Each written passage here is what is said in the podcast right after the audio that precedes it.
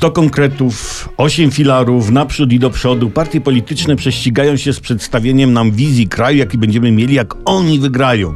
No góry pieniędzy będziemy mieli takie, że obok powstaną domy wczasowe.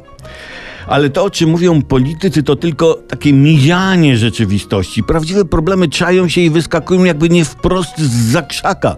I nawet nie chodzi o mecz. Oto tytuł artykułu z internetu. Dlaczego nie powinno się kroić ziemniaków nożem? O, no to czym kroić? Śmietaną, śpioszkami, nogą od stołu? To są, to są te prawdziwe dylematy, problemy, które wołają o wyjaśnienie i zadośćuczynienie. Wiedzieliście, że zadośćuczynienie pisze się razem? To jest niesamowite, to jest długi wyraz, taki bardzo ambitny. No nic, ziemniaki.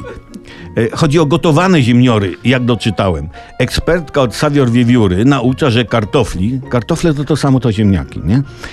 Nie kroimy nożem, tylko rozdrabniamy je widelcem i następnie tym widelcem zjadamy.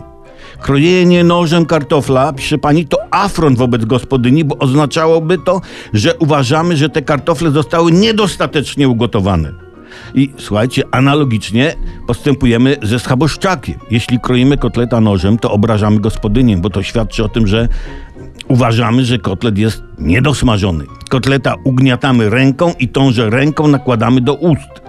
Kompotu nie pijemy ustami, gdyż to jest afront wobec gospodyni, gdyż sugerujemy, że zajmując kompotem usta nie chcemy z nią rozmawiać.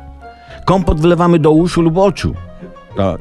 I, I takie problemy rozwiązujmy, a nie babrzmy się w politycznych obietnicach, z których i tak nic nie wyniknie, nic nie zostanie.